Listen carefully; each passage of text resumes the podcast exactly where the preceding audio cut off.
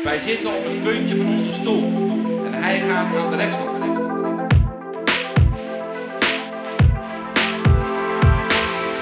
Leuk dat je luistert naar de podcast van Jaap, de tweede aflevering van een nieuwe reeks. We onderzoeken vragen als hoe word je nou een groot sportkampioen en wat betekent dat voor het Nederlands sportsysteem. We slaan een brug tussen de kennis van wetenschappers en de verhalen van sporters. Vandaag gaan we het hebben over breed motorisch ontwikkelen, vroeg specialiseren, maar we horen ook hoe het is om een punt achter je sportcarrière te zetten terwijl je er nog zoveel van houdt.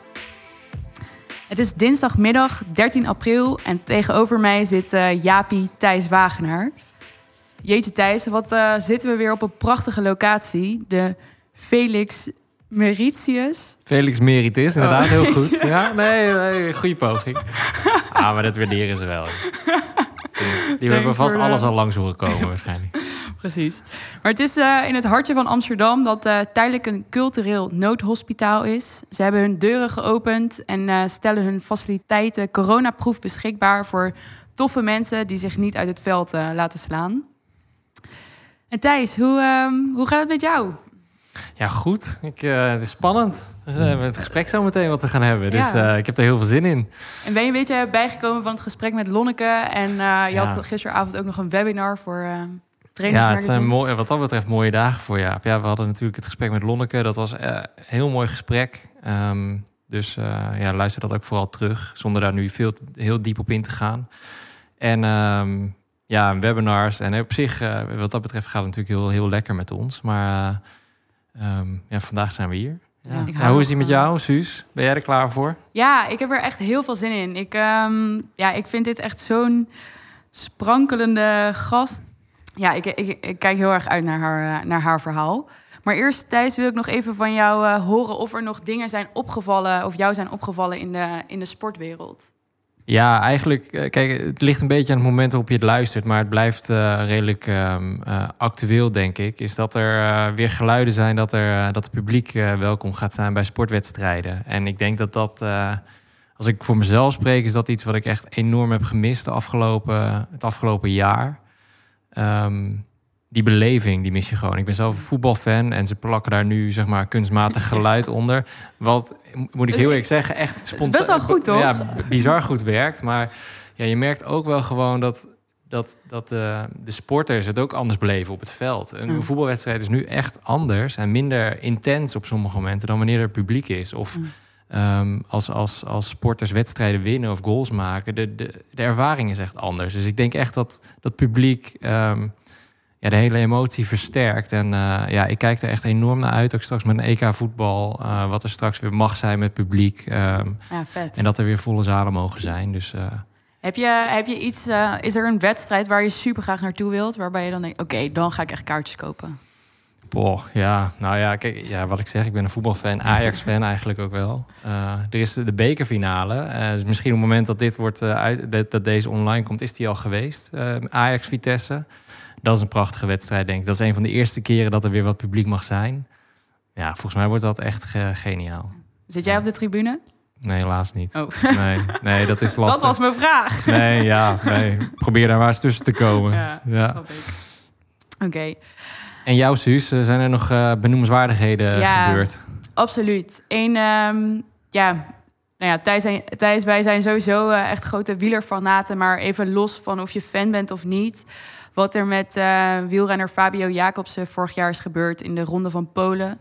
Voor de luisteraars die hem niet kennen. Een, um, een wielrenner die onwijs hard ge, gecrashed is. Um, nou ja, ik zat live te kijken. Volgens mij jij ook, Thijs. En ik dacht, ik was de hele tijd mijn computer aan het refreshen van... oké, leeft hij nog? Heeft hij deze crash overleefd? En ehm, dat heeft hij. En hij is weer terug. Hij is terug in het profpeloton. Wat ik echt... Ehm, ja, echt prachtig. Ik kreeg daar echt kippenvel van. Ik vond dat echt wel een ehm, sportmoment van het jaar... die me echt naar het hart ging. Dat ik dacht, oké, ik hoop dat alles goed komt. Maar hij is er weer. En nu duimen dat hij zijn dromen waar kon maken. Precies, ja. Ja, nog ja, zo'n 250 dagen nadat hij gecrashed is, zit hij weer op de fiets. Ja, zo. Ja, en wat wel mooi is ook hè, om aan hem te zien en wat je nu aan hem hoort, is dat hij elk moment dat hij kan fietsen, echt als een blij kind weer op de fiets zit. Dat hij dat zo waardeert, dat is echt bizar om te zien. En nou, dat dan ook nog zijn teamgenoot een etappe wint. eh, Zo, ja, dat was is echt ehm, bizar. Echt, ja. echt kippenvel. Ja. Absoluut. En Thijs, we hebben vandaag eh, twee gasten. ja. De ehm, super sprankelende voormalig turnster Celine van Gerner. ja. En, ehm, maar we hebben dit keer ook Tim op pad gestuurd. De vorige keer was ik aan de beurt. Maar ehm, Tim ehm, hebben we op pad gestuurd en is daar wetenschapper en bobbelbox ehm, Johan Koedijker tegengekomen bij eh, Kenniscentrum Sport en Bewegen. En hij heeft hem overhoord over het onderwerp breed motorisch ontwikkelen. Dus Tim, we gaan over eh, naar jou.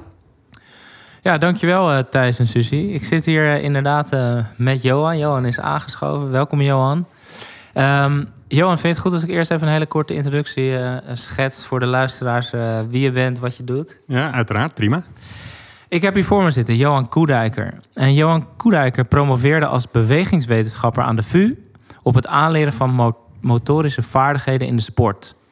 Met de titel Automatization and De-automatization of Perceptual Motor Skills eh, promoveerde hij om vervolgens in het vliegtuig te stappen en aan de Universiteit van Bern les te geven. Terwijl hij daar in zijn vrije tijd op zijn mountainbike genoot van de natuur. In het vliegtuig terug naar Nederland bedacht hij zich dat het lesgeven hem wel was bevallen in Bern. En dus gaf hij onder andere daarna les aan de UvA, VU en in Holland. En werkte hij op Papendal als visual skills expert. Waarbij hij werkte met verschillende sporters en verder onderzoek deed naar diezelfde visual skills.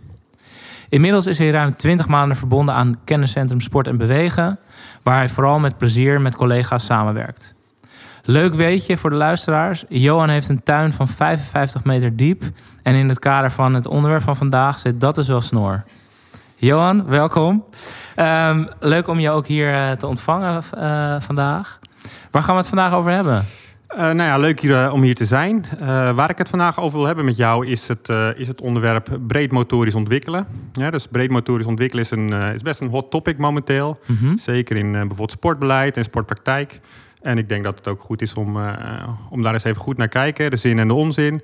Eh, misschien wel beter de nut en noodzaak van breed motorisch ontwikkelen bij, eh, bij onze jongste jeugd. Ja, want zoals je inderdaad aangeeft, hot topic. Er is zeker de laatste twee, drie jaar nou, veel over geschreven, veel over geroepen, veel mee gedaan. Maar ja, hoe, hoe filter ik daar nou de juiste informatie uit? Eh, nou ja, dat is denk ik een hele goede vraag. Hè. Dus wat je ziet is... ehm, nou ja, de, de, de, motorische vaardigheid van onze jongste jeugd... die, eh, die holt achteruit. De laatste twintig jaar is het echt serieus afgenomen. Hm. Het thema breed motorisch ontwikkelen is eigenlijk een soort containerbegrip. Hè. Er, er valt Mhm. echt ontzettend veel, eh, veel over te vertellen. En er valt ontzettend veel onder. Hm. Misschien goed om te vertellen, de basisgedachte komt eigenlijk uit het idee dat de motorische ontwikkeling eh, kan je zien als een soort, eh, nou eigenlijk een berg. Hè. De, de metafoor die vaak gebruikt wordt is de mountain of motor development. Hm. En het idee erachter is, is dat eh, op het moment dat je sportspecifieke vaardigheden eigenlijk goed wil ontwikkelen, dat je daar eigenlijk een, een brede basis van fundamentele beweegvaardigheden eh, onder eh, wilt, wilt hebben liggen, zodat je die, eh, die sportspecifieke vaardigheden echt goed, goed kan ontwikkelen. Oké. En daar komt eigenlijk het concept breed motorische ontwikkeling vandaan. Wat je ziet is dat er recent ook wel wat, eh, wat ontwikkelingen zijn hè, die het wat verfijnd hebben. Eh, bijvoorbeeld de Athletic Skills Model heeft, het, eh, heeft er eh, tien verschillende fundamentele vaardigheden van gemaakt. Er is schijf van tien. Mhm. Ook om het wat, wat praktischer, wat praktischer toepasbaar te maken voor, eh, ja, voor trainers en coaches en eh, de mensen in de praktijk. Ja.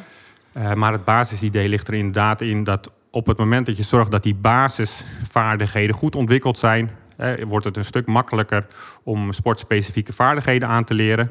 En misschien nog wel belangrijker, eh, het maakt het ook wat makkelijker om andere sportspecifieke, andere sporten te gaan proberen, andere vaardigheden te gaan proberen. Hè, dus op het moment dat je bijvoorbeeld heel eenzijdig beweegt, bijvoorbeeld alleen maar hè, vanaf jongs af aan eh, tegen een bal aanslaat, dan eh, ontwikkel je niet heel, ja, dus niet die verplazingsvaardigheden, die balansvaardigheden en die objectmanipulatievaardigheden. Die ontwikkel je niet op een hele brede manier, zodat het ook een stuk lastiger wordt om andere vaardigheden eh, bijvoorbeeld te gaan doen. Hè. Dus als je het hebt bijvoorbeeld over eh, eh, als kinderen op, het, op de camping aan het voetballen zijn en je, je kunt eigenlijk alleen maar goed een bal slaan, dan ben je minder geneigd om daaraan mee te doen.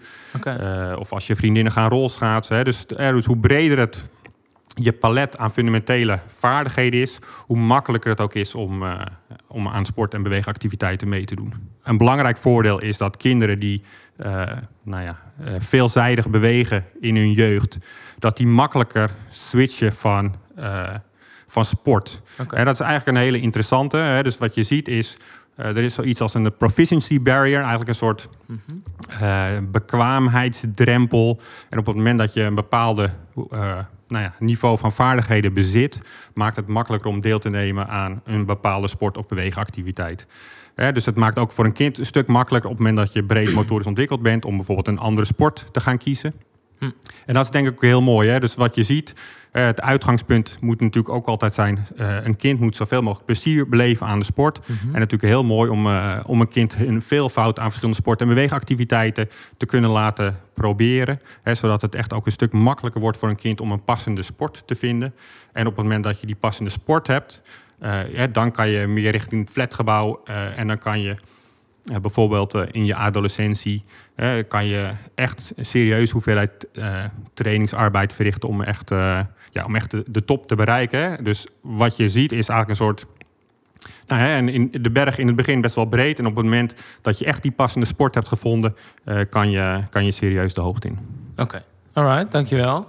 Ehm nou, vaak wordt... eh, wij zitten natuurlijk als, eh, als Jaap zijn natuurlijk ook veel in het werkveld. En wat wij dan ook veel te horen krijgen... is dat breed motorisch ontwikkelen en vroeg specialiseren... vaak in één en dezelfde zin worden genoemd. Wat, wat is het verschil en wat is vroeg specialiseren dan eigenlijk... ten opzichte van breed motorisch ontwikkelen? Ja, ja wat je. Die, die twee termen die worden inderdaad vaak in dezelfde zin gebruikt. Er zit wel een behoorlijk nuanceverschil in. Dus breed motorisch ontwikkelen gaat echt over, eh, hè, over de motorische ontwikkeling. En vroeg specialiseren gaat eigenlijk juist over eh, niet zozeer de ontwikkeling, maar echt het presteren. Dus wat je ziet is op het moment dat je. eh, nou, waar breed motorisch ontwikkelen gaat, is echt veel spelen, veel verschillende dingen proberen, veel gevarieerd trainen, veel verschillende sporten uit, uitproberen. En bij vroeg specialiseren lijkt er een beetje tegenover te staan. Hè? Namelijk al eigenlijk op hele jonge leeftijd heel gericht met één sport of zelfs één sporttak of één taak binnen een sport bezig zijn. Hè, om daarin zo goed mogelijk, eh, mogelijk te worden. Dus het, is, het wordt vaak wel in één adem genoemd. Eh, en ook heel veel van, van het onderzoek naar breed motorisch ontwikkelen leunt ook op heel veel onderzoek naar vroeg versus laat specialiseren of vroeg specialiseren versus, ver- eh, tegenover eh, early sampling of di- diversificatie. Eh, om te kijken van nou, wat, eh, wat weet u nu eigenlijk over het, de voordelen van, eh, van breed motorisch ontwikkelen. Oké. En hoor ik jou dan ook zeggen, want wij komen natuurlijk ook veel met sportouders in, in aanraking, die misschien drie kinderen hebben. Dus dan moeten ze eigenlijk op, elk kind moet op drie verschillende sporten. Dus dan kom je op negen verschillende sporten. Dan moet je als ouder ook nog eens naar negen verschillende verenigingen rijden. Is dat dan het advies? Nou, het advies is vooral om eh, het kind vooral heel veel te laten spelen, heel veel te laten ontdekken. Het heeft natuurlijk helemaal geen zin, eh, bijvoorbeeld als je een voetbaltrainer bent, eh, waar een kind na, naartoe wil is, ja, is, is succesbeleving, plezierbeleving. En waar het, als het gaat om voetbal wil een kind natuurlijk maar één ding en dat is een doelpunt maken en lekker partijtje spelen. Dat moet je dat ook vooral laten doen. Hè. Ja, ja. Maar wat niet zo. Eh, wat een beetje tegen de, de natuur van breedmotorische ontwikkeling en ook tegen veel recent, eh, recent onderzoek ingaat, is echt op hele jeugdige leeftijd heel erg focussen op zeg maar, maar één sport en één taak. Eh, om dat alleen maar te doen, wat dan ten koste zou moeten gaan van andere sporten, die een kind misschien ook wel zou willen doen. Maar doordat ze juist een soort van nou ja, bijna gedwongen worden om één sport, zich daarin te specialiseren vanaf jonge leeftijd. Eh, ja, dat, dat, eh, ja, dat lijkt toch wel eh, meer nadelen dan voordelen met zich mee te brengen. Oké, en dan vooral voor de plezierbeleving of de prestaties? Nou ja, eigenlijk allebei. Hè. Dus wat je ziet is kinderen die op jonge leeftijd heel vroeg specialiseren. Vergeleken met kinderen die nou ja, meerdere sporten doen. Hè. Dus wat je ziet is kinderen die vroeg specialiseren, die raken eerder geblesseerd. Hè. Dus veel meer drop-out in de sport. Hm, hm. En wat je daar ook vaak ziet, is dat ze niet die brede motorische basis missen om dan makkelijk in een andere sport in te stromen. Dus op het moment dat ze uit de sport vallen, vallen ze eigenlijk uit het hele sport- en beweegveld. Hm. Dat is natuurlijk heel zonde. Je, ziet ook wel wat meer eh, gevallen van burn-out. Hm. Ehm, Dus het gaat ook echt over het welzijn. het gaat over het welzijn. Ja, eh, ja zeker. Dus eh, meer blessures bij kinderen die heel veel eh, dezelfde dingen doen. En terwijl het maar de vraag is of je inderdaad met het doen van, hè, dus dat vroeg specialiseren, of, je, ja, of dat eh, überhaupt noodzakelijk is om bijvoorbeeld eh, die top van die berg eh, te bereiken. Nou, Johan, als we dit weten, dan, dan, dan vraag ik me af waarom ja, het sportend klimaat in Nederland er niet zo uitziet zoals jij dat nu schetst. En dan wil ik er toch één term in gooien die eh, ik ook hoop dat jij kan uitleggen. Waar denk ik ook dit, eh, dit mee te maken heeft. Dat is het Tiger effect. Zou je dat wat over willen delen, ook in relatie tot met wat we nu bespreken? Ja, ja het Tiger Effect. Hè, dus eh, Tiger Woods, eh, die kreeg vanaf van zijn vader al vanaf, eh, ik meen dat hij één was, een golfclub in zijn hand. En nou, eigenlijk de rest van zijn leven stond in het kader van golven. Precies. En hij heeft natuurlijk de absolute top bereikt. Hè. Dus wat je, wat je ziet is het idee dat je heel veel uren moet investeren in één bepaalde sport om dan de allerbeste te worden. Hè, en van oudsher eh, had je de, de 10.000 uur regel hè, bij, eh, bij muzikanten, waarbij je het verschil in echte hele goede muzikanten en iets minder goede muzikanten zat hem echt in de tijd die geïnvesteerd werd eh, om, eh, ja, om te oefenen. Het is inderdaad een route om de absolute top, eh, top, te, top te behalen, maar je ziet daar ook een paar eh, problemen. Een van de problemen is dat je, je ziet eigenlijk maar één kant. Hè. Dus als, je, als, je, als je het wil onderzoeken, je hebt maar eigenlijk maar één eh, datapunt in een hele grote dataset. En de rest van de dataset die zie je eigenlijk niet. Hè. Dat is wat we dan survivorship bias noemen of survival bias. Hè, dus die ene Tiger die het zo gedaan heeft, die zie je wel. Die is heel zichtbaar, want die heeft de absolute top bereikt. Precies. Maar die 99 andere Tigertjes die dezelfde soort van eh, routine hebben gevolgd vanaf heel jongs af aan alleen maar met één ding bezig zijn. Eh, maar ergens onderweg zijn uitgevallen, ja, die zie je, die zie je niet. Hè? Dus het is een heel soort van scheef beeld, een heel incompleet beeld over hè, wat, het, eh, wat je nodig hebt om de top te bereiken. En dan, dan praat je dus ook over wat jij net zei. Dus dan, dat zijn dan die 99 anderen hebben te, bijvoorbeeld te maken gehad met blessures. eh, met dat ze op een gegeven moment ook echt niet meer wilden, in dit geval golfen. Eh, En dat ze dus uit het hele sportsysteem mogelijk zijn ge- gegaan. Waardoor er ook helemaal geen, nou, geen data over is. Waardoor je een heel nou, vertekend beeld krijgt van de realiteit eigenlijk. Ja, ja, precies. En wat recent onderzoek laat zien is dat het eigenlijk helemaal niet nodig is om vanaf hele jonge leeftijd al heel vroeg Hm. eh, bezig te zijn. Dus eh, eh, bijvoorbeeld een, nou, een, een parallel aan de, aan de muziek te maken.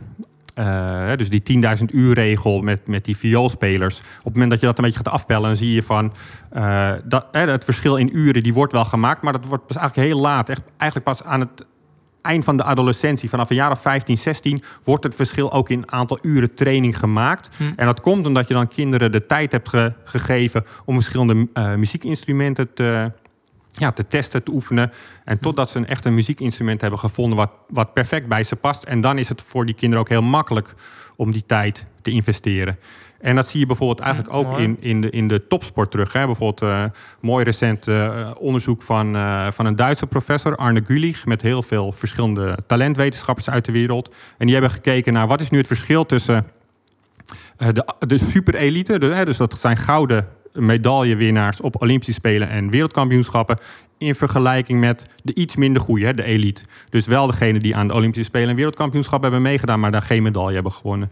En wat je daar ook ziet, is eigenlijk een beetje analoog aan, eh, aan dat muziekverhaal. Eh, ja, de, op jonge leeftijd, de super die spelen meer. Hè. Er zit geen verschil eh, op het moment dat ze met sport in aanraking komen. Eh, dat is dan rond een jaar of zeven. Wat ook heel leuk is om te zien, of grappig is om te zien, is dat ze eigenlijk pas op een jaar of 12, 13 in aanraking komen. Hè, dus dat ze echt hun primaire doelsport, waar ze die medaille in hebben gewonnen, dat ze daarmee eh, nou, echt, echt eh, mee starten haast. Eh, en als het gaat over het specialiseren, gebeurt dat ook voor de superelite echt een stuk later. Echt pas ver in de adolescentie. In vergelijking met de elite, hè, dus de goede. Ja. Dus de, echt, de allerbeste, die, ja, die specialiseren gewoon ook, ook gewoon een stuk later.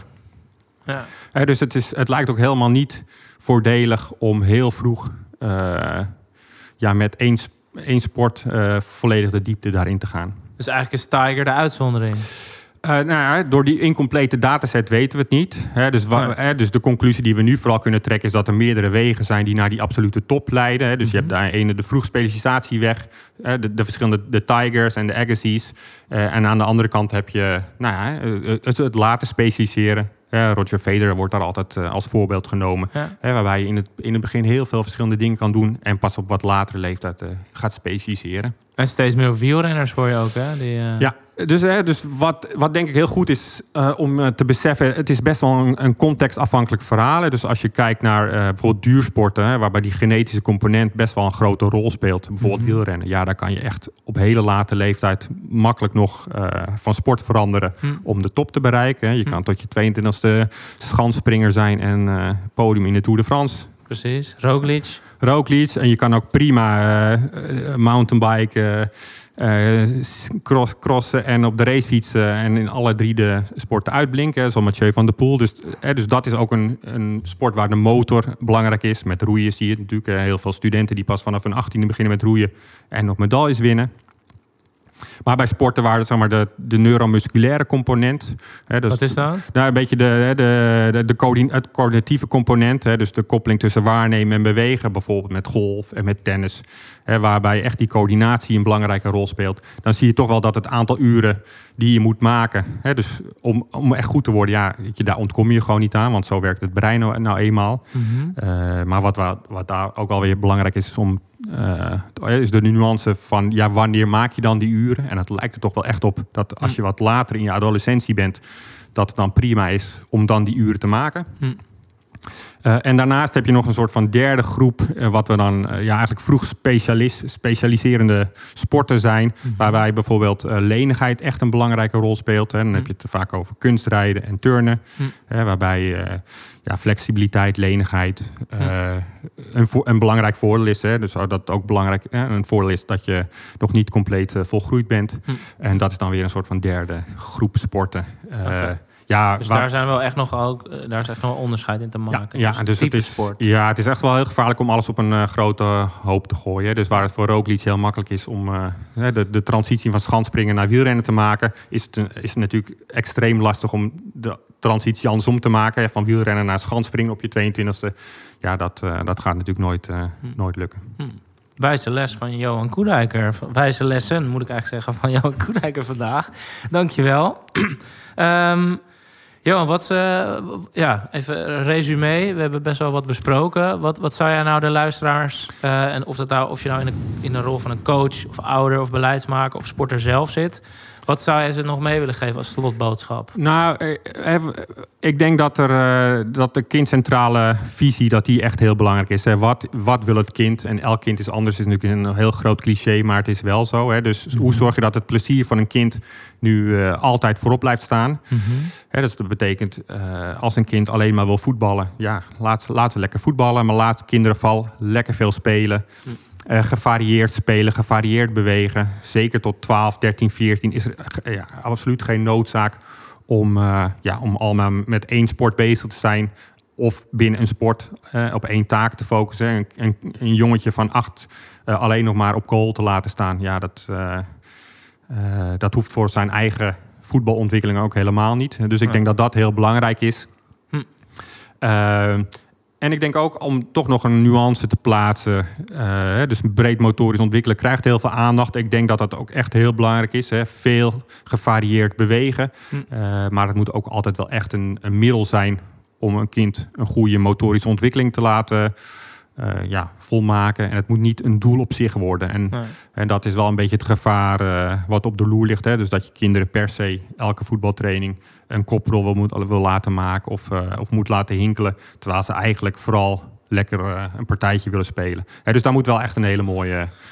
Maar hier hoor ik eigenlijk ook een koppeling naar je eerste, namelijk het kind centraal. Als je als trainer dan maar een, een koppeloefening gaat toevoegen om te laten zien dat jij er ook mee bezig bent, dan wijk je eigenlijk af van je eerste tip, namelijk het kind centraal Ja. te stellen. Ja. Dus daarin is dus misschien ook de vragen stellen aan de kids. eh, van nou, waar hebben jullie vandaag zin of behoefte aan, zeker in die, in die jongere leeftijdscategorieën? Eh, Ja. En als ze dan zeggen, ja, graag nog een koppeloefening Oh. toevoegen, dan... Ja, absoluut. Hè. Dus het gaat er ook. Hè, dus, eh, het, gaat er niet alleen om de, zeg maar, om de vorm van de training die je aanbiedt, maar het gaat ook echt om de inhoud. Hè. Dus de, degene die voor de groep staat, eh, ja, die is waarschijnlijk nog veel belangrijker dan de verschillende oefeningen die je doet. Precies. Eh, je moet ook zorgen voor een sociaal veilig klimaat om te kunnen sporten. Dat is ook echt extreem belangrijk. Eigenlijk moet je een kind gewoon stimuleren om zoveel mogelijk te bewegen, zoveel mogelijk plezier te hebben. Eh, en het liefst inderdaad eh, een mooie brede basis te geven, zodat ze eh, op latere leeftijd ook gewoon eh, actief kunnen zijn in de sport die ze, die ze leuk vinden. Ja. Nou, heel erg bedankt, Johan. Eh, ik denk nogmaals, of herhaaldelijk, heel veel, heel veel wijze lessen eh, vandaag voor de luisteraars. Dan gaan we denk ik terug naar uh, Susie, Thijs en Celine. Oké, dankjewel uh, Johan en Tim. En uh, Thijs, wij gaan over naar, uh, naar onze gast van vandaag. En we willen haar graag uh, introduceren aan de luisteraars. Gesminkt als een personage uit de musical Cats staat ze op de mat.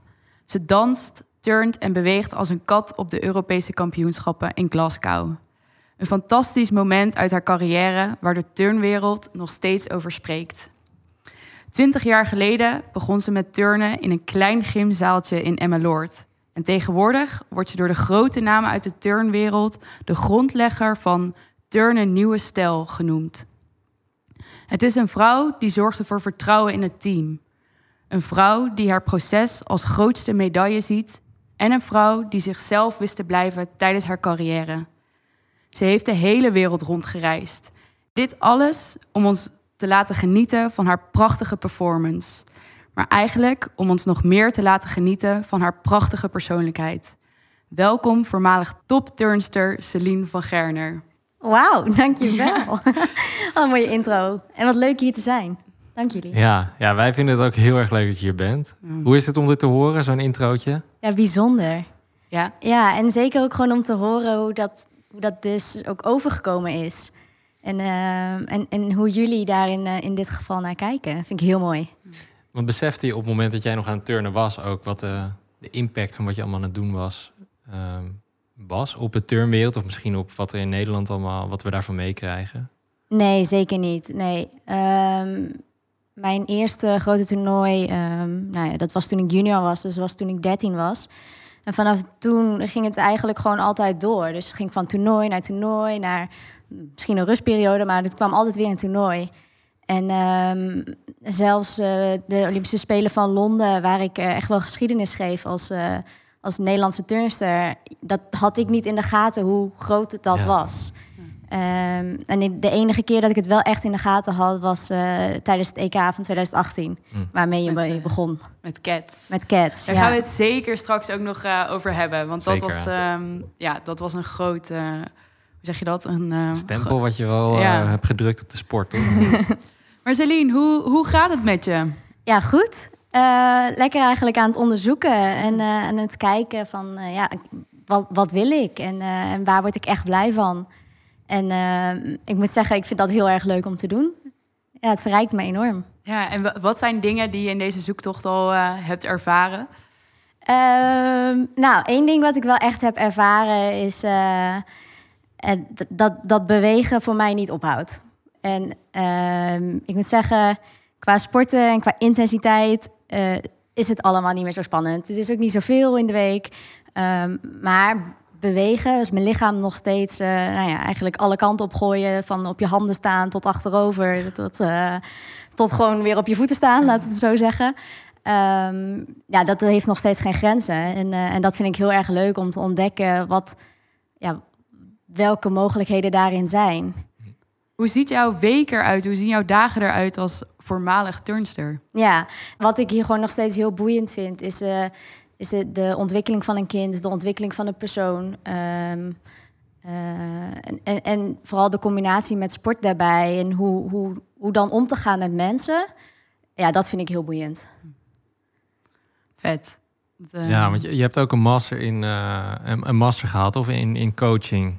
Klopt. Ja, ik heb de master in coaching gedaan, uh, afgerond in 2019 hm. aan het Johan Cruijff Instituut. Ja. Ja, dus, het, dus die master begon ik eigenlijk een beetje met de vraag: vind ik coaching echt leuk? Nou, en ik ging daar weg en ik was zwaar overtuigd. Dit vind ik ja. leuk. Ja? ja. Wat vind je er zo vet aan?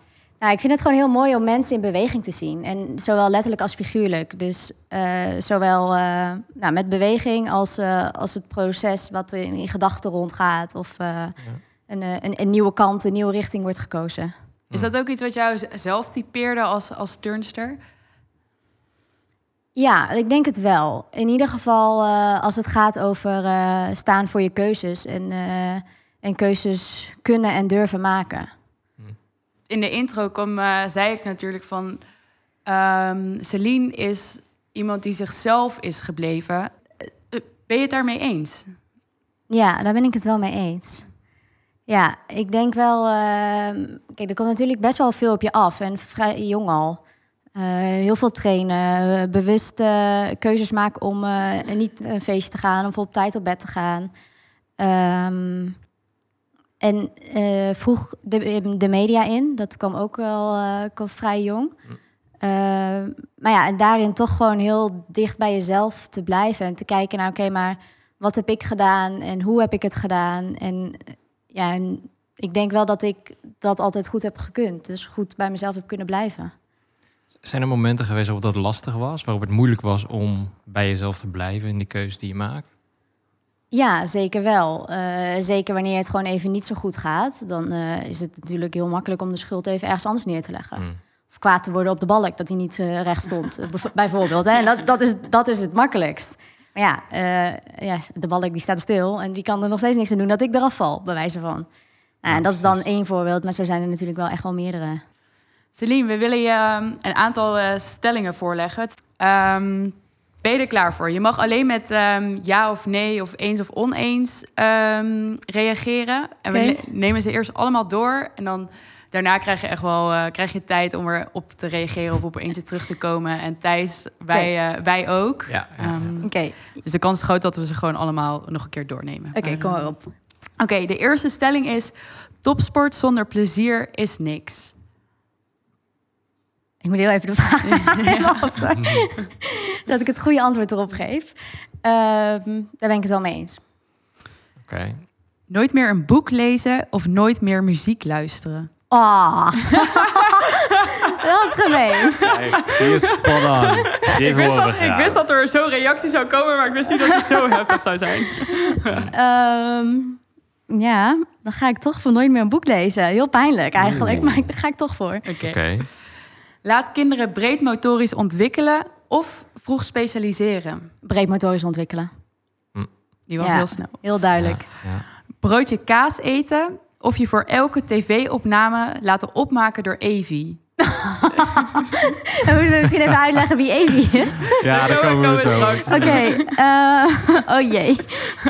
Ik eh, denk dat ik toch, toch maar een broodje kaas eet. Ook al hou, hou ik echt niet van kaas. Oké. Celine van Gerner, de turnster, is iemand anders dan Celine van Gerner als mens. Mag ik ook een antwoord in het midden geven? Nee, hè? Nee nu nog niet. of nu niet. Ehm, ja, eens dan. Oké. Celine van Gerner zet, de, zet met Cats de turnwereld op zijn kop. Dat klopt wel. Ja. Cool. Ja. Is er eentje waar jij op wilt terugkomen? nou, sowieso die met dat broodje kaas. ja, vertel. nou, ik eh, hou dus gewoon echt niet van kaas. Is dat zo'n haat, zo'n haatverhouding die je met kaas hebt, dat je, dat, dat zo erg is? Ja, hè? ik kan het echt overal eigenlijk tussenuit pikken. Echt? Ja. Oh man, ik hou echt van kaas. Ja. Ja, nee, het gaat. eh, nee, een, een plakje oude kaas, dat, dat, dat is nog net aan oké, maar ook niet meer dan dat. Maar eh Evie is mijn kleine vriendinnetje van 3,5 jaar oud. Bijna vier. En eh, die wil heel graag vaak mijn make-up doen. Ja, en dat zit dan ook vooral overal. dus het, ehm, ja, ik heb daar toch voor het broodje kaas gekozen. Dan doe ik maar een keer mijn neus dicht of zo. Ja. ja, precies. Ja. Helder. Nou, Evie, klopt dat Evie is, een, ehm, is het dochtertje van een van jouw beste vriendinnetjes? ja, toch? klopt. Ja. Ja, Ja, dus deze stelling kwam ook van, eh, van je beste ja vriendin. heel Dus, leuk. eh, Goeie stelling. dus eh, je, mag, je mag haar bedanken. ja. Is, er, ehm, is er nog een stelling waar je op terug wilt komen?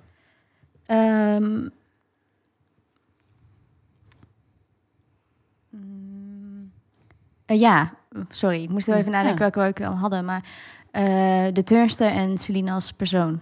Ja. Ja, dus nog even. Celine van Gerner, de turnster, is iemand anders dan Celine van Gerner als mens. En daar, Ja. an- an- je antwoord daarop was toch maar eens. Toch maar eens, ja. Ehm, ja. We hadden het er net over dat ik wel altijd dicht bij mezelf ben gebleven. Eh, dus daarop dacht ik, ja, welke kant ga ik deze nou opzetten? Ehm, maar wel echt eens, want ik was wel... eh, ik, ik ben nu als mens, of eh, niet dat ik ooit niet mens was, maar even om het nu te pakken, eh, wel veel liever voor mezelf. En, ehm, en als topsporter moest alles perfect. En, ja. en, en eiste ik dat ook van mezelf. Ehm, Hoe zag dat eruit? ja, dat ziet eruit als een, eh, een, een, een kleine kring mensen om mij heen. Zodat ik niet te veel eh, eh, nou, energie uitgaf eigenlijk. En energie voor mezelf eh, kon houden. Eh, en, en het perfectionisme zit dan in eh, nou ja, het, het zoveel uur willen slapen. ehm, dit en dit willen eten of hieraan willen voldoen. Ehm, nou ja, tot, tot, dat gaat tot, tot aan je make-up perfect zitten. Ehm, en, en, ja, en in- gewoon in de trainingen is dan ook gewoon... Ik wil niet zeggen nooit goed genoeg, want ik was wel... eh, nou, ik kon ook wel zien van, nou, als het vandaag niet gaat, dan is morgen weer een dag. Ehm, maar het liefst, eh, ja, dan, dan ging de training eh, nog beter dan dat het eigenlijk al ging. Het is niet per se realistisch. En nu denk ik, als we nog, als we zijn aan het sporten zijn, er zijn nog 30 seconden op de klok. Normaal zou ik echt die 30 seconden vol gas geven. En nu denk ik, "Mwah, weet je wat, ik neem een slokje drinken en ik ga even zitten. Ja. Dus dat is wel echt een verschil. Er zit een stuk relaxed tijd in. En hoe, eh, hoe ervaar je dat nu? Hoe, of hoe is dat om nu relaxer te zijn? Het is nu heel fijn. Ehm, nog steeds eh, ben ik niet. je, er zit nog steeds gedrevenheid in. En er zit nog steeds eh, het, ergens het maximale uit willen halen in. Alleen het, het relaxed. ehm, ja, wat, wat relaxter, bijvoorbeeld s'avonds met, met een bedtijd omgaan. Of, of 's ochtends kunnen wisselen in hoe laat je opstaat. Of wat je, e- wat je eet, wat je ontbijt. Ja, dat, dat geeft wel rust. Denk je ehm, ehm, dat deze mindset die je nu hebt, dus het iets rustiger, iets, iets liever voor jezelf, had je daarmee dezelfde prestaties kunnen halen als dat je hebt gehaald? Of misschien dezelfde beleving, niet eens prestaties, maar jezelfde sportbeleving, ehm, dan wanneer je zo streng bent, was voor jezelf? Ik denk dat ik een grotere sportbeleving eh, zou hebben. Oké. Oké. Ja, en ehm, ik moet zeggen, het jaar 2018, en daarom vind ik, ook, eh, vind ik het leuk ook om zo meteen het onder andere over die ketsoefening te hebben, maar überhaupt over dat EK en die weg er naartoe. Eh, toen had ik dat al meer. Dus toen was ik al relaxter, zag ik eh, eigenlijk alles wat er kwam al meer als een cadeautje. Ehm, en dat vergrootte wel echt de beleving. Hm. Ja. Wow, dat, is, dat hoor je eigenlijk niet vaak.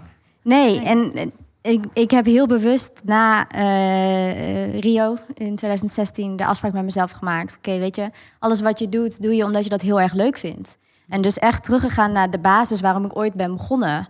En stond niet meer in teken van eh, het moet beter, het moet mooier en het moet hoger. En nou ja, dat wel, want dat levert punten op in turnen. Maar Ja, maar eh, Ja. op welke manier veranderde dat dan jouw, je leefstijl als topsporter na, na Rio? Op welke manier zie je dat dan terug?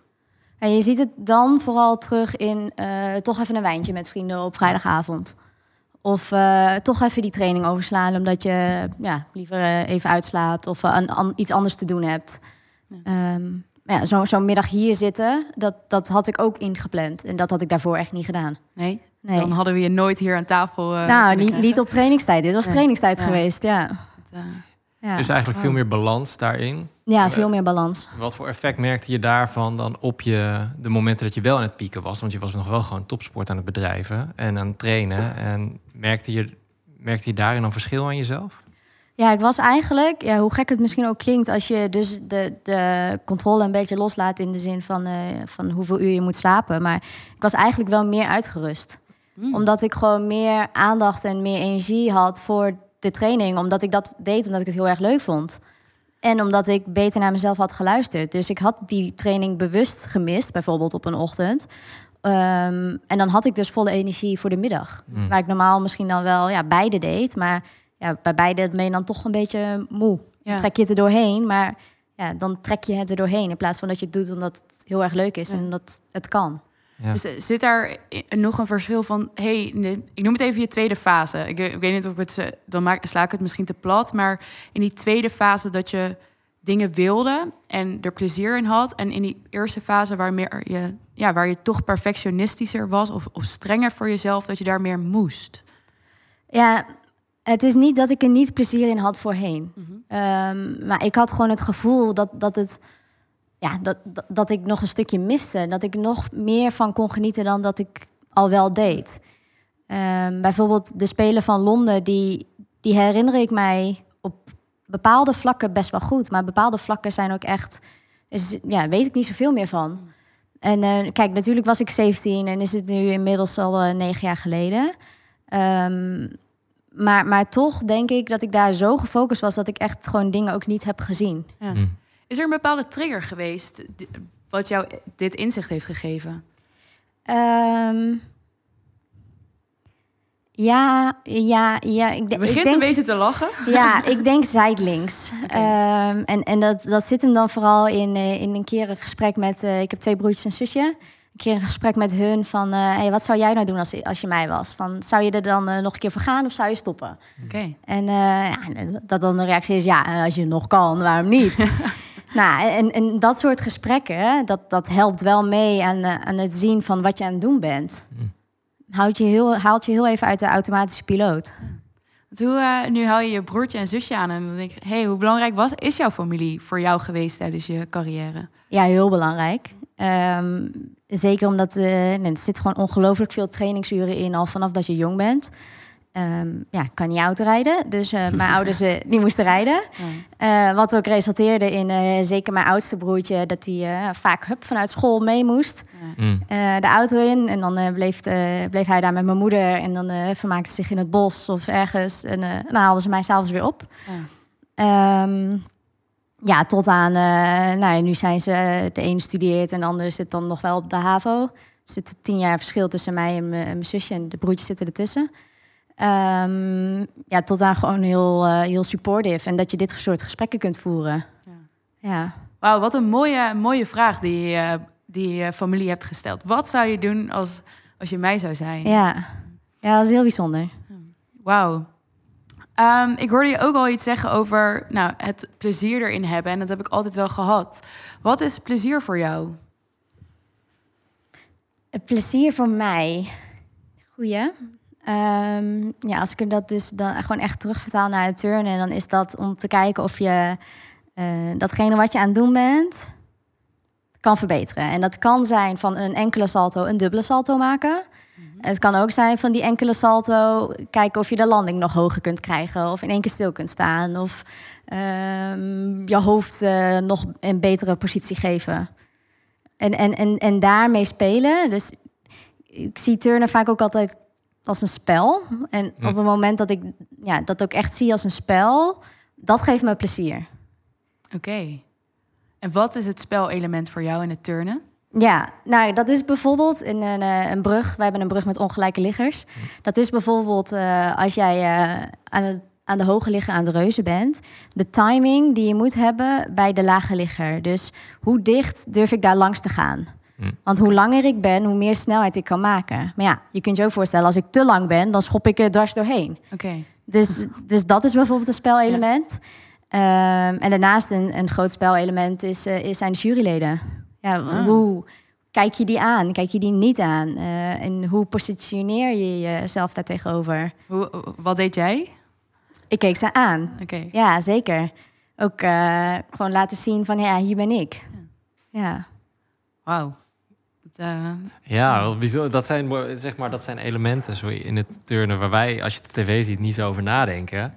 Maar dat is natuurlijk Nee. wel heel belangrijk. Ook een beetje een psychologisch spelletje. ja, wel. zeker. Ja. Ja, zeker. Het is, het is, weet je, je, je loopt maar één keer de vloer op. En het is direct Ja, de, de indruk die je afgeeft. Laat je zien dat je er bent. Of ben je eigenlijk onzichtbaar? Hoe heb je dit geleerd? Of van wie heb je dit geleerd? Ja, wij hebben wel echt eh, presentatietraining gedaan binnen de Nederlandse ploeg. Hm. En, eh, en, en eh, ja, degene die dat gaf, die kwam ook zelf uit de musicalwereld. Nou, dat is echt natuurlijk een performance eh, wereld. Ehm, dus van hem heb ik heel veel geleerd. En, en daarnaast, ja, het is gewoon eigen interesse en nieuwsgierigheid ook. Dat, dat je het leuk vindt om, om dat op te zoeken. Ja. Ik was daarin heel erg nog wel benieuwd van hoe zou je dus Celine van Gerner als mens nu, nu verder beschrijven?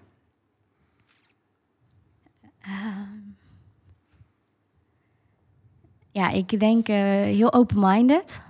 Echt eh, ook eh, onbevooroordeeld. Ehm, in ieder geval een, stuk liever voor mezelf dan, dan de turnster. Ehm, maar daarin altijd wel, wel lief en met, vol met interesse geweest. Dus dat verschilt dan weer niet zoveel richting de ander. En ehm, ja, ik denk een beetje chaotisch en, het- en toch ook wel kalm. En ja, gewoon heel bewegelijk. Ja, dat, dat wel echt. Je zei net ook al van, eh, oh, ik ga echt sowieso heel veel bewegen op mijn stoel. Ja, en deze stoelen kraken een beetje, dus ik hou me echt in. Nou, voel je vrij hoor. We vinden dat Ja, lekker huiselijk, heb ik net gehoord. Ja. ik zit ook de hele tijd te bewegen, dus eh, doe, dat, doe dat vooral. Maar open, kalm, maar toch ook chaotisch. Ja, O- ehm, wat me opviel, ehm, zeg dat, eh, onbevooroordeeld. ja. Ja, ik kan echt wel. eh, nee, nou, ik denk dat dat luisteren daar eh, direct bij past. Dus dat je echt luistert naar wat, wat iemand zegt, of misschien wel eh, wat, wat de natuur vertelt, of wat mijn li- eigen lichaam mij vertelt. Ehm, en, en ja, daarin bewust een keuze maken om daar wel niet iets mee te doen. Ehm, maar dat wel proberen te zien met telkens een, een, een nieuwe blik. Of gewoon echt, dus echt te horen wat, wat, wat er gezegd wordt. Ik hoor je ook al een coach. Hoor je dat ook? Ja, sowieso. Dat wil ik eigenlijk nog Ja. vragen. Van, ja, wat voor, ik bedoel, je hebt die coachingsopleiding gedaan. Ehm, je zegt al, ik weet nog niet precies wat ik allemaal wil gaan doen, maar eh, iets met bewegen, eh, misschien wel iets met dat coachen. Ja. Wat voor coach ben jij? Of zou je worden? Of zou je zijn? En eh, een coach die heel veel vragen stelt. Ja, ik eh, moet zeggen, ik vind het ook heel erg leuk. Ik help af en toe bij een, eh, een groepje jongere turnsters. En ehm, ah, je kunt ze natuurlijk elke beurt een aanwijzing geven. Of heel af en toe even vragen, oké, wat denk je zelf? Wat voel je zelf? Ja, en dat vind ik heel leuk. Dat je dan ziet dat ze er zelf over nadenken. En dan komen ze met een antwoord. Oké, is goed, probeer maar. Als, je, als jij denkt dat dat, eh, dat dat het is, probeer maar. Ja. Nou, en dan, dan de ene keer werkt het wel. En de andere keer komen ze er eigenlijk op terug van... nou, misschien is het toch anders. Ja, Ja. dat vind ik mooi. Ja, vet. Ik, ik sta daar zo achter, want uiteindelijk is toch een kind gemaakt. Ik bedoel, als het een babytje is, Tim die heeft nu, nou, die heeft nu een zoontje en daarbij zien we het gewoon letterlijk het vallen en opstaan, het, het kruipen en het zelf ontdekken in plaats van Ja. dat we iemand aanwijzingen geven waar, hoe die het zou moeten doen. Wat Ja. soms ook heel handig kan zijn natuurlijk, maar ze zegt ja, ga het zelf maar ontdekken, want ik zie de turnzaal, maar ik heb het al een keer eerder gezegd en toen zei een oud turnster dat ik dat echt niet mocht zeggen, maar echt als een speeltuin. Ja, ik ook hoor. dus Oké, voor mij mag je het zeggen. Ja, Ja, nee. Toevallig zei ik het gisteren nog tegen iemand die... eh, ik zei, ja, maar die- dit is toch één grote speeltuin? Ja. Het is voor dat mij. is het ook. Wij, wij zijn met Jaap ook bezig in, bij een turnvereniging in Utrecht, Turn for You, ehm, om daar aan een sportklimaat te werken. En Tim en ik liepen daar laatst binnen. En voor mij, dat is al lang geleden dat ik in een turnzaal was geweest, of in ieder geval een gymzaal. En het was gewoon apenkooien voor mij. En toen Ja. zei Tim ook, nee, maar dat is echt not done. Hè? Dus eh, je moet wel gewoon, eh, je mag niet eh, zomaar even aan die rekken gaan hangen en weet ik wat allemaal. Ja. Terwijl het is gewoon een speeltuin. ja. Het is een één grote speeltuin, ja. Maar ik ben het ermee eens. Het is geen apenkooi. nou, nou je kunt het heel goed gebruiken voor apenkooien of slagballen of, eh, of zoiets. Eh, Maar als ik sporter was en jij kwam er even aanhangen... en jij deed met je gewone, nou ja, gewoon Ja, blote handen... ja. al mijn magnesium eraf halen, dan was ik ook niet zo happy. Nee, dat is me heel goed voorstellen. Ja, ja, Ja, ja. Oké. dus het heeft wel een bepaalde misschien gebruiksaanwijzing... maar het- verder is het één grote speeltuin. Ja. Ja. Ja. Lijkt me alleen al heel chill om in die blokkenbak te springen. Gewoon. Dat heb ik nog nooit gedaan in mijn leven. Ik dacht ook Ah, eerst... moet je echt een keer doen. Ja, Dan doe je het ook niet weer, want je komt er niet uit of eh die grap hangt er nog in. precies. Eén keer, ja, precies. Oké. Celine, we komen een keertje bij jou langs. Dan Is kan goed. Thijs in de, in de, In de blokkendoos, blokkenbak. in de blokkenbak. hey, maar zullen we het ook eens hebben over die performance van, van Cats? Want inderdaad, een dilemma was... ehm Celine van Gerner zet met Cats... Ik vind het wel echt leuk dat, dat, dat Cats zoveel voorkomt. Want mijn achternaam is natuurlijk Cats. En je het precies hetzelfde. Nee, dus, eh, Cats, toch? Precies. Ja, precies. Toen ik in Kaapstad woonde, was het inderdaad altijd zo. Maar ehm Celine van Gerner zet met Cats de turnwereld op zijn kop. En ik heb jouw afscheidsfilmpje gekeken en zelfs een presentator van de BBC, dus die altijd verslag deed van jullie eh, performance. Zoals hij zei het, van Celine, jij, jij, wat je hiermee hebt weggezet, dat ehm, is echt fantastisch. Ik ben heel erg benieuwd hoe je dat zelf ziet. Ja. Ehm, Ja, nou, ik ja, kan je wel een beetje meenemen in, eh, in hoe dat is gegaan. Misschien is dat wel leuk. ja. Ja. Ehm, ik had dus een, eh, een, een vloeroefening gemaakt eh, op muziek vanuit de musical Cats. Eh, gemaakt door een, eh, de choreograaf Damon, die ook eh, in de musical Cats heeft gespeeld. Oh, vet. Dus er zaten ook echt letterlijk choreografiestukken in vanuit de musical. Eh, en tegelijkertijd hadden wij een, eh, een pak wat, wat, ja, wat leek eigenlijk op het van een tijger, Ja. een panter, een, ja, noem het maar op, een kat. dus, dus die drie elementen die, die kwamen samen op het moment dat ik de finale haalde. Oké. Dus ik haalde de, de vloerfinale, top 8 is dat. Hm. En ehm, ja, ik keek eh, naar, naar de startlijst en mijn uitgangswaarde was verreweg het laatst, laagste van het hele startveld. Dus potentieel echt geen kans op medaille eigenlijk. Oké. Want waar, Ehm, waar heeft dat mee te maken? Nou, de, de, het verschil tussen mijn eh, uitgangswaarde, dus mijn startwaarde, en eh, die van eh, nou, degene met de hoogste was volgens mij 1,2 verschil. ja, en dat is de moeilijkheid van je oefening, hè? heb je het dan over? Ja, de moeilijkheid van mijn oefening. Ja, Dat is niet goed te maken. Ja, tenzij zij drie keer valt, bij Ja. wijze van, da- dan. Maar dan zijn er nog eh, zes andere. Precies. Oké. Ehm, dus, dus dat was gewoon een enorm verschil. En, en we hadden het onderling, eh Damon en ik, en, eh, en met, met andere coaches uit de ploeg wel eens gehad over: oké, wat nou als er een keer een soort van show komt? Ehm, zou je dan eh, nou ja, een kostuum voor mij hebben? Mag ik dan een keer het Cats kostuum aan en kunnen we dan eh all out gaan? Wauw. Dus, dus dat idee lag er al wel, alleen dan ja, echt voor een show. En ehm, ja, totdat dus die finale ineens eigenlijk kwam. En eh, we echt zitten, hebben zitten kijken van... oké, ja, je, je, je uitgangswaarde ja, is veel, veel te laag voor, een voor een medaille... maar wat kan ik wel? En, eh, en toen echt gekeken naar, eh, naar, naar het reglement... om te kijken, ja, staat er iets in over make-up of smink? Of, eh, nee, er stond niks in. Heel veel regels, maar daar stond niks over in. Oké. Ja, en toen was het wel iets van, ja, wa- waarom niet nu? Waarom zou je dit niet, niet nu weggeven? Het was een prachtige arena. De spotlights waren echt, echt voor performance. Oké. Eh, het is een arena die ik nog niet zo vaak eh, ben tegengekomen. Dus alles leen, de hele situatie leende zich eigenlijk ervoor om, om ja, daar een, een echt performance neer te gaan zetten. Dus ehm, ja, wil je dat ik doorga? Ja, ja, ja. Ik, hou- ik hang bij hangen aan je lippen. Wacht even, één vraag. Hoe lang Ja. van tevoren bedacht je... dit gaan we dan anders doen? Ja, goeie. Ehm, op donderdag waren de kwalificaties. En op zondag was de vloerfinale. Maar wij hadden op zaterdag nog de teamfinale. Dus ehm, vrijdag er even een beetje over gesproken, maar focus op de teamfinale. Dus zaterdag de teamfinale en direct na de teamfinale echt zo. Oké, ehm, wat kunnen we doen? We gaan wat smink uitproberen. Dus dat was zaterdagavond. Van nou, dit, dit, dit wordt het ongeveer wel. En eh, toen was het eigenlijk zo rond. Een, beetje een klein rondje gedaan langs, eh, langs een aantal meiden van onze ploeg. Van oké jongens, als ik dit zo doe en mijn haar dan morgen zo... ehm, lijkt het dan ergens op? Ja. Ja, nou, het is natuurlijk super stoer om dat te gaan doen. Wie heeft je smink gedaan? Duidelijk niet Ehm, Evie. nee, Eh, Damon ook inderdaad. Oké. Ja. Ja, dus dat... eh, Maar zijn er ook nog dingen veranderd in de oefening zelf? Want je, je doet een aantal poses waar je echt katachtig staat en eh, wat, wat bewegingen. Was dat ook veranderd of zat dat er al? al nee, in? dat is allemaal hetzelfde gebleven. Oké. Dus je kunt de oefening eigenlijk van de kwalificatie, teamfinale en vloerfinale Oké, naast elkaar leggen. ja. En het is allemaal hetzelfde. Oké. Ja. Alleen, eh, het, het lijkt direct heel anders, omdat Ja, ik smink op heb en, Ja. eh, en twee knotjes in mijn haren. Ja, Ja, want je, vet. je komt dan dus bij die finale en ja. Ja, jij komt daar echt als, als kat, kom je op, inderdaad gesminkt. Je Ja. ziet er echt prachtig uit. Je, hebt, in je haar zijn twee, twee oortjes. ja, En dan ga je, je gaat je finale turnen. ja. Ja, en ik moet zeggen, ik was blij op het moment dat wij de arena ingingen. Want daarvoor zit een moment in een andere turnhal en daar mag je inturnen. Ehm, en daar zijn geen spotlights, het is gewoon fel licht. En iedereen loopt daar door elkaar heen. En ehm, ja, dan, daar liepen de blikken wel uiteen. Zo van, eh, oké, nou, ben benieuwd tot aan, ehm, wat, Wat doe jij? jij doen? Ja. En eh, dus ik was heel blij dat wij de, de arena ingingen. Want, want daar moest het ook voor mij gaan gebeuren. En, en daar, ehm, ik weet dat er een, eh, een, een Zweedse turnster naar mij toe kwam. En die vroeg ook van, wat ga je doen? Dus ik zei ook tegen haar van, wait and see, it will make sense. Ja. Ja. Dus het was ook heel leuk toen ik klaar was. Toen, ze- toen liep ze naar me toe en zegt ze, it did make sense. Ja, dus cool. dat was ook wel Ja. heel cool, ja. Want wa- eh, voordat je doorgaat, ik ben nog wel benieuwd. Dat is, je zit daarvoor in een ander soort arena. Wat dat met je zelfvertrouwen doet.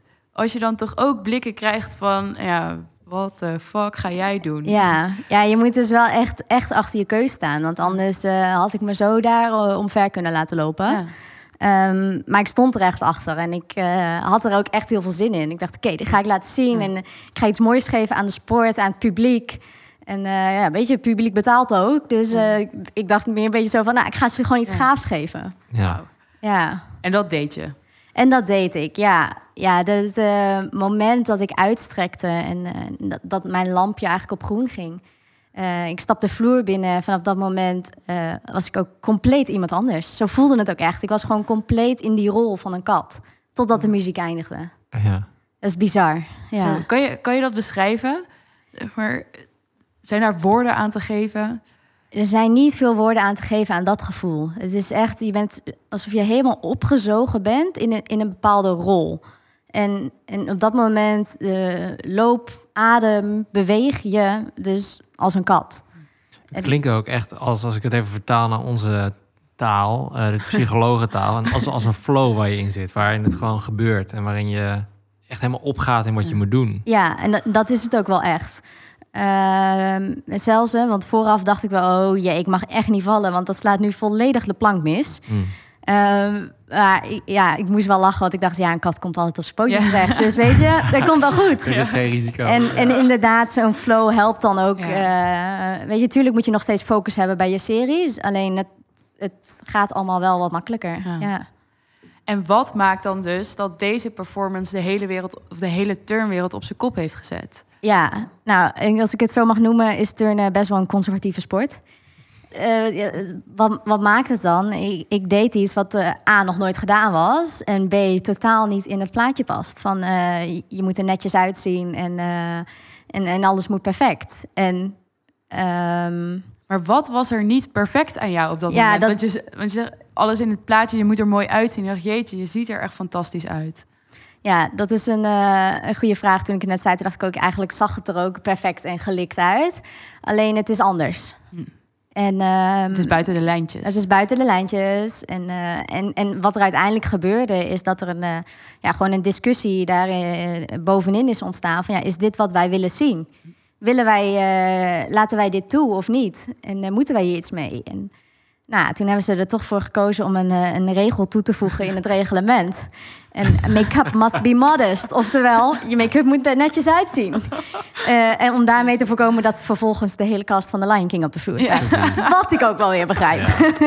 Maar ja, je hebt je stempel gedrukt, want dat, eh, dat wordt door insiders de Van Gerner-wet genoemd, toch? Ja, ja Dus dat is zeker waar. Normaal krijg je als je een element eh, voor Ja, het ja. eerst toont... Een, eh, dat op je naam. Nee, ik heb een regel. Precies, ideaal. Maar ja, dat betekent ook, als het nu een regel is... dat jij ook de enige bent Ja, Die dat wel die heeft dit, gedaan. ja, die dit wel heeft gedaan. ja. Ja, dat is wel tof, hè? Ja, ja, ik vind het wel wel. Ik hou wel van een beetje buiten de lijntjes kleuren. Dus, ja, eh, en om heel even terug te komen op Evie, dus dat meisje Ja. van, eh van 3,5 bijna 4. Over buiten de lijntjes kleuren. Nee, nee ik moest eh, afgelopen zondag was ik op haar aan het oppassen en ehm, ze wilde op YouTube en eh, ze wilde mij kijken. Nou, dat is prima. Dus zij keek ook even mijn afscheidsvideo. Die, die kwam dan als een van de eerste boven. Mhm. En ehm, op een gegeven moment draait ze zich om en zegt... ze, als ik later groot ben, wil ik net als jou, zo met smink als een tijger. ja, dat is natuurlijk fantastisch. Ja. Weet je, Ja. dat, dat, dat, gewoon, dat je dat terugkrijgt. ja. Ja. Nog steeds. Ik denk ook dat je dat nog steeds bent voor heel veel eh, eh, turners en turnsters die beginnen. Dat je echt een inspiratie bent met gewoon iets op je eigen manier doen. Ja, dat hoop ik. Dat, dat, Ja. dat, dat, dat, je, dat je dat inderdaad zo kan zien. Dat het, dat het echt iets is van... hé, hey, maar zij stond ergens voor en zij ging ergens voor. Precies. En dat maakt niet uit hoe. In mijn geval was dit met smink. Maar het maakt niet uit hoe. Dat, dat ze dat oppikken en dat ze dat ehm, ja, ook zelf gaan voelen. En dat betekent dus ook gewoon dat jij door moet met dat coachen, zodat je het over kan brengen. Goed idee, goed idee. Ja. dat is even mijn tip van de dag. Ja. Is dit ook een van je, van je mooiste performance uit je carrière? Ja, zeker. Ja, eigenlijk dat hele EK hoor. Dat, eh, elke oefening eh, was daar raak. Mm. Ehm, en natuurlijk, eh, Londen staat heel hoog. Eh, de Olympische Spelen uit Londen staan heel hoog. Ehm, en ergens een Nederlands kampioenschap. Maar, maar het EK 2018, die ketsoefening hoort er zeker bij. Oh. Ja. En iedere, iedere sporter, iedere topsporter, of je het nu wilt of niet, komt ook obstakels tegen. Komt ook tegenslagen tegen. Wat is een, een obstakel die jij tijdens je sportcarrière bent tegengekomen, waar je, waar je wel- ook heel veel van hebt geleerd? Welke wil je hebben? nee, maar, ehm, Die jij wilt delen? Even kijken hoor. Ja, er zijn er echt een aantal. Eh, de, de eentje die eh, echt eh, teruggaat al voor de Olympische Spelen van Londen. Ehm, daar zit een rechtszaak in. Oké. Om, eh, om eh, ja, de weg naar Londen eh, was niet helemaal vrij. En ehm, ja, er kwam een rechtszaak aan te pas. Omdat er, er was al vroegtijdig een keuze gemaakt om, een, om iemand uit te zenden voor Nederland. En ik was als reserve aangesteld. En ehm, dit terwijl de procedure nog niet afgelopen was. Oké. Dus dat, eh, dat aanvechten, dat, dat voelde heel naar en ook niet fijn. Zeker niet als je van de harmonie bent en van het in gesprek gaan. Ehm, het voelde ook alsof ik tegen die, dat andere meisje was. Terwijl het was natuurlijk tegen de bond. En het was tegen ja, de Ja. procedure aanvechten. Maar ehm, ja, wat me dat heeft geleerd is wel echt dat er, eh, ja, dat er soms drempels komen die je liever niet wilt nemen. ehm, maar die je uiteindelijk wel gaan brengen daar waar je graag naartoe wilt. En mijn grote droom vanaf kleins af aan was wel de Olympische Spelen in Londen. Mm. Want in mijn hoofd zou ik daarna te oud zijn. Dus ik moest wel naar Londen. Ja.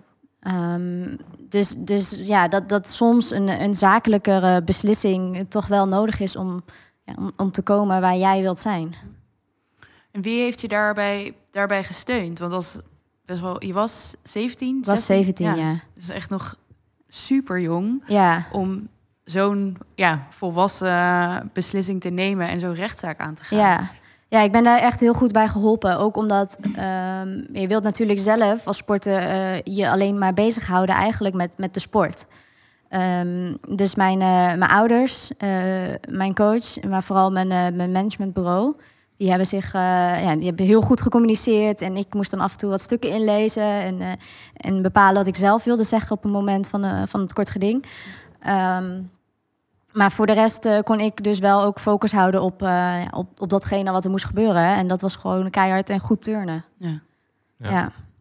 Zo, dan krijg je toch wel even wat te verstouwen als, eh, als jong meisje. Precies. Als ik even naga waar, wat ik aan het doen was toen ik 17 Ja. was, dat waren geen rechtszaken.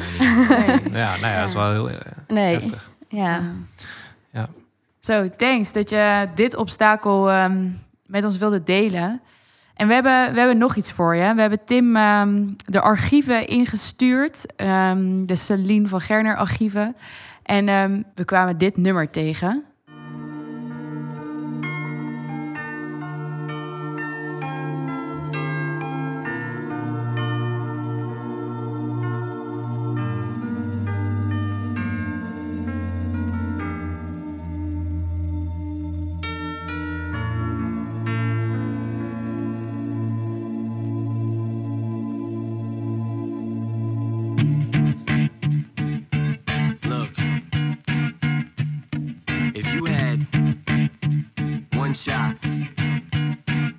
Opportunity. To seize everything you ever wanted. In one moment, would you capture it? Or Just let it slip. Yo. His palms are sweaty, knees weak, arms are heavy. There's vomit on his sweater already. Mom's spaghetti, he's nervous, but on the surface he looks calm and ready to drop bombs. But he keeps on forgetting what he wrote down. The whole crowd goes so loud, he opens his mouth, but the words won't come out. He's choking how? Everybody's joking now. The clock's run out, time's up, over, plow. Snap back to reality. Oh, there goes gravity. Ja, Celine, vertel eens. Wat, eh, wat is het nummer? Wat heeft Tim gevonden? ja, het voelt net alsof ik weer, weer klaar sta voor een wedstrijd. Ja? ja, ik hoor de, de eerste deun en ik denk, oh, ik weet waar dit naartoe gaat. ja? Ja, het is het nummer wat ik, eh, wat ik echt als laatste op mijn afspeellijst eh, altijd aanzette. Op een moment vanuit een hotel of vanuit, eh, vanuit de auto eh, na een wedstrijd toe. Dus het laatste nummer voordat ik de hal inliep, eh, was dit nummer. Wat gebeurt er met jou dan als je dit nummer hoort? Wat, Ja, nou, het zit hem heel erg in de tekst. Dus hij begint al met van... eh, oké, als je één kans hebt, wat, wat doe je? En eh, grijp je die kans of, la- of laat je het eigenlijk eh, aan je voorbij gaan? Nou, dat, dat, dat was voor mij heel pakkend altijd. En dat zette mij wel echt in de, in de juiste mindset... en in de juiste mood die ik nodig had voor een wedstrijd. Wat betekent muziek voor jou? Want het dilemma net van nooit meer een boek lezen of nooit meer muziek Ja, luisteren. gemeen was, dilemma was dat. Die was dus, eh, dus dat zegt wel iets wat Ja. en een boek en, en muziek voor jou betekent. Ja, ze be- betekenen beide heel veel eh, voor mij. Ehm, en in beide kan ik eigenlijk gewoon heel erg mezelf gewoon verliezen en echt ontspannen. Eh, of in dit geval in de juiste, in de juiste mood zetten. Ja. En ehm, ik heb jou, eh, jouw afscheidsvideo gezien. En ik haalde daaruit dat je bent gestopt met turnen omdat je er geen plezier meer in had. Maar we, we hebben gisteren natuurlijk ook gebeld. En toen zei jij van ja, dat is eigenlijk wat ehm, mensen heel vaak denken. Maar eigenlijk is dat niet het complete verhaal. En je zei echt heel mooi van ik hield echt van het turnen. Maar, maar toch ben ik gestopt. En je wilde het daar heel graag over hebben. Omdat sporters het eigenlijk nooit of bijna nooit hebben over, hun, over het proces van, van stoppen. Nee. Nee, klopt. En het was ook wel echt ehm, eh, iets, iets waar ik nou misschien ook wel tegenaan liep op een moment dat, dat de eerste vragen bij mij gingen spelen van wil ik dit nog? En wil ik dit leventje nog leiden? Heb ik er nog alles voor over om, om het op dit niveau te kunnen doen? Ehm, en dat ik, misschien zijn ze er wel hoor, maar ik had ze niet, eh, niet voor handen in ieder geval. Een recent verhaal van, maar hoe gaat dan zoiets? En, en wat komt daarbij kijken? En Ehm, misschien was het ook wel fijn dat ik het niet had, want zo kon ik echt volledig mijn eigen proces beleven. Maar soms had ik het denk ik heel fijn gevonden om toch even met iemand het erover te hebben die het al een keer had doorlopen. Ja. En die dan gewoon mij ook eh, vragen kon stellen. Alleen maar naar mij te hoefde te luisteren eigenlijk. En ehm, ja, dat ik geen plezier meer had, dat is inderdaad niet waar. Want eh, ik hield echt nog heel erg van het sport, van het spelletje, van, van, het, van het team waarmee ik werkte. Alleen ik merkte ook dat, ehm, dat mijn nieuwsgierigheid en, en, en de wil om te ontwikkelen eh, breder werd dan, eh, dan binnen de turnhal, binnen de muren van de turnhal.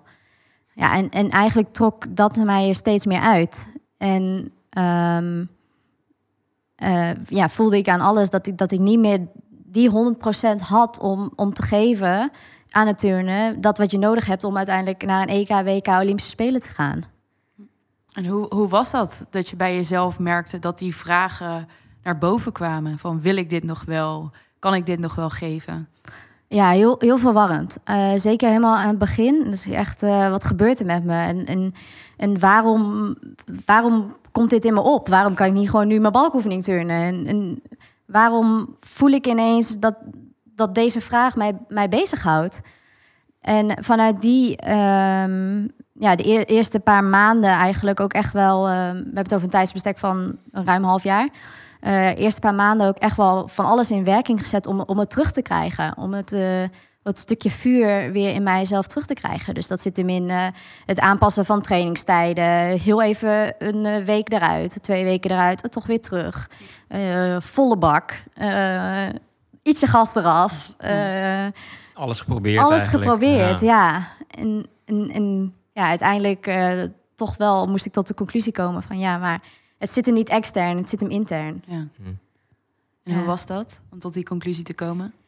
Ehm, nou, waar ik heel erg blij om was, ehm, was ik kreeg een soort bevestiging. Ik ben naar Londen geweest en ik heb daar ehm, die citytrip stond heel toevallig al gepland. Moest zo zijn, denk ik. Hm. Ehm, maar ik heb daar heel bewust een, eh, een soort Olympische dag gedaan. We hebben rondgelopen over het Olympisch Park, langs de O2 Arena waar mijn wedstrijd was. Met het Olympisch dorp geweest. En, en ik wist zeker van oké, ik ga daar zijn en ik ga ongelooflijk spijt hebben. En ik wil weer terug turnen en ik ben er helemaal niet klaar mee. En ik liep daar rond en ik had één grote grijns op mijn gezicht. En ik dacht, ja, het is goed. Mijn cirkel is rond. En dat, dat was wel heel mooi. En het was ook wel de, de laatste ja, bevestiging die ik zelf nog wel, wel nodig had. Want hoe weet je wanneer het genoeg is? Ja, dat is voor iedereen anders. En wat was dat voor jou? Ja, voor mij was dat dus wel dat ik verwacht had eh, eh, daar te voelen van ik ga er weer voor en ik ben helemaal niet klaar. En het tegenovergestelde was waar. Eigenlijk vind ik dat toch ook wel heel knap van je dat je. ehm, Het vraagt echt zelfreflectie en het, het voelen in jezelf van wat, wat wil ik? En, en ik kan me voorstellen dat iedereen aan je trekt of nou of misschien ja misschien wel en iedereen denkt ja maar je bent nog zo goed en ehm, maar dat je gewoon voor jezelf voelde het mijn cirkel is rond. Ja. Ja, en ik moet zeggen, het trekken is echt. eh, eh, het trekken aan mij is heel erg meegevallen. Dus, eh, ik ben heel erg door mijn coach en door de bondscoach heel erg vrijgelaten. Van ja, doe wat goed voelt en, en kijk, kijk wat jij graag wilt. En ik heb het liefst dat je het allergelukkigst wordt als mens. En, en ongeacht de keuze die je dan maakt. Ehm, dus dat was heel fijn. En daarin had ik ook wel in ieder geval de vrijheid van buitenaf. Maar intern voel je hem natuurlijk wel. En je weet dat je het nog kan. Ja. Je weet zelfs dat je misschien nog wel beter kan dan het jaar ervoor. Alleen, ja, ergens kan het dus ook niet. Want Ja. die 100% inzet is er niet meer. Ja. Ja. De vraag die ik je graag nog wilde stellen is van... Jij zei van, ik wil dit, dit onderwerp graag opgooien. Wat is wat je andere sporters, actieve sporters... nog heel graag zou willen meegeven over het proces van, van stoppen? Over het proces van stoppen. Ja, Straks mag je ook nog andere tips meegeven. is goed. Nee, ja, het, het proces van stoppen ehm, kan heel erg eenzaam voelen en heel erg alleen. En, ehm, en daarin zou ik willen meegeven van, oké, blijf erover praten. Zoek mensen in je omgeving eh, of mensen wie jij vertrouwt of, of waar je een goede band mee hebt. Ehm, dat, je het er, dat je het erover kan hebben. Mensen die naar je luisteren en die gewoon misschien net even die vraag stellen die je nodig hebt. En ehm, laat je vooral niet leiden door angst of eh, ik moet dit voor het team. Want uiteindelijk ben jij ook het beste voor het team wanneer jij jezelf 100% kunt geven. Dus, dus wees eerlijk naar jezelf. Dat, dat is wel eh, ja, een, belangrijke boodschap, denk ik. Een hele, hele wijze les. Echt, Ja. ehm, Neem ik ook mee. ja. ja, in wat voor opzicht thuis? Hij is altijd zo. Het is altijd een balans, toch? Ja, ik denk Ja. dat dat een hele goede is. Zeker ook voor eh, jonge sporters die eh, komen kijken en die van alles willen en eh, misschien wel moeten. Ook dan is die vraag, denk ik, eh, belangrijk. Ja, en, en ik denk dat het dan vaak ook... ehm, weet je, het gaat niet altijd leuk zijn.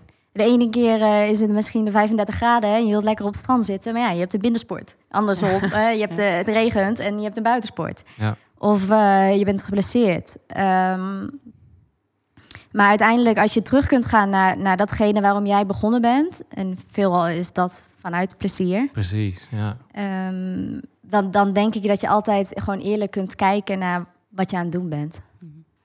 En is er nog iets anders wat je de, de luisteraars heel graag wilt, wilt meegeven of nog, nog wilt zeggen? Je zegt, ja, dit hebben jullie niet gevraagd, maar dit moet er gewoon nog uit. Poeh. Nou, ik denk dat ik al best wel eh, wat mee heb willen geven. Of dat ik al best wel wat heb gezegd wat ik ook mee heb willen geven. Hè. Dus, dus enerzijds dit stuk over plezier. eh, en anderzijds ehm, dat er soms drempels op je weg liggen... die je eigenlijk liever niet wilt nemen. En liever gewoon even terug wilt gaan. Een eh, nieuwe weg zoeken. Dat kan ook. Ehm, maar soms moet je ze wel nemen om, om te kunnen komen daar waar jij wilt zijn. Het, ehm, het obstakel is de, is de weg. Exact. Komt altijd weer terug, hè? Ik heb nog één laatste vraag, als ik mag. Ja, tuurlijk Thijs. We, we willen ook graag weten van jou wat voor, wat voor sporters jij misschien nog zou willen horen in onze podcast. Dus heb jij nog mensen waarvan je denkt van nou, dat verhaal dat moet echt eh, een keer verteld worden of langskomen. Eh, en dan gaan wij, hebben wij ook een smoes namelijk om ze te benaderen. Kunnen wij gewoon dit fragment naar ze opsturen? Precies. Goeie. Dus we hebben Sven Kramer eh, al. En eh, ik ben benieuwd, heb jij, heb jij nog, nog, nog sporters die je graag zou willen horen? Nou, er zijn zoveel sporters met uiteenlopende en goede en sterke verhalen. Dat is echt bizar. En, ehm, en, en het gaat ook buiten de sport. Ik eh, ben heel erg onder de indruk geraakt. Ik heb laatst een verhaal gehoord van een, een jongen, een vluchteling. Ehm, ik was zwaar onder de indruk en geraakt door, door zijn verhaal.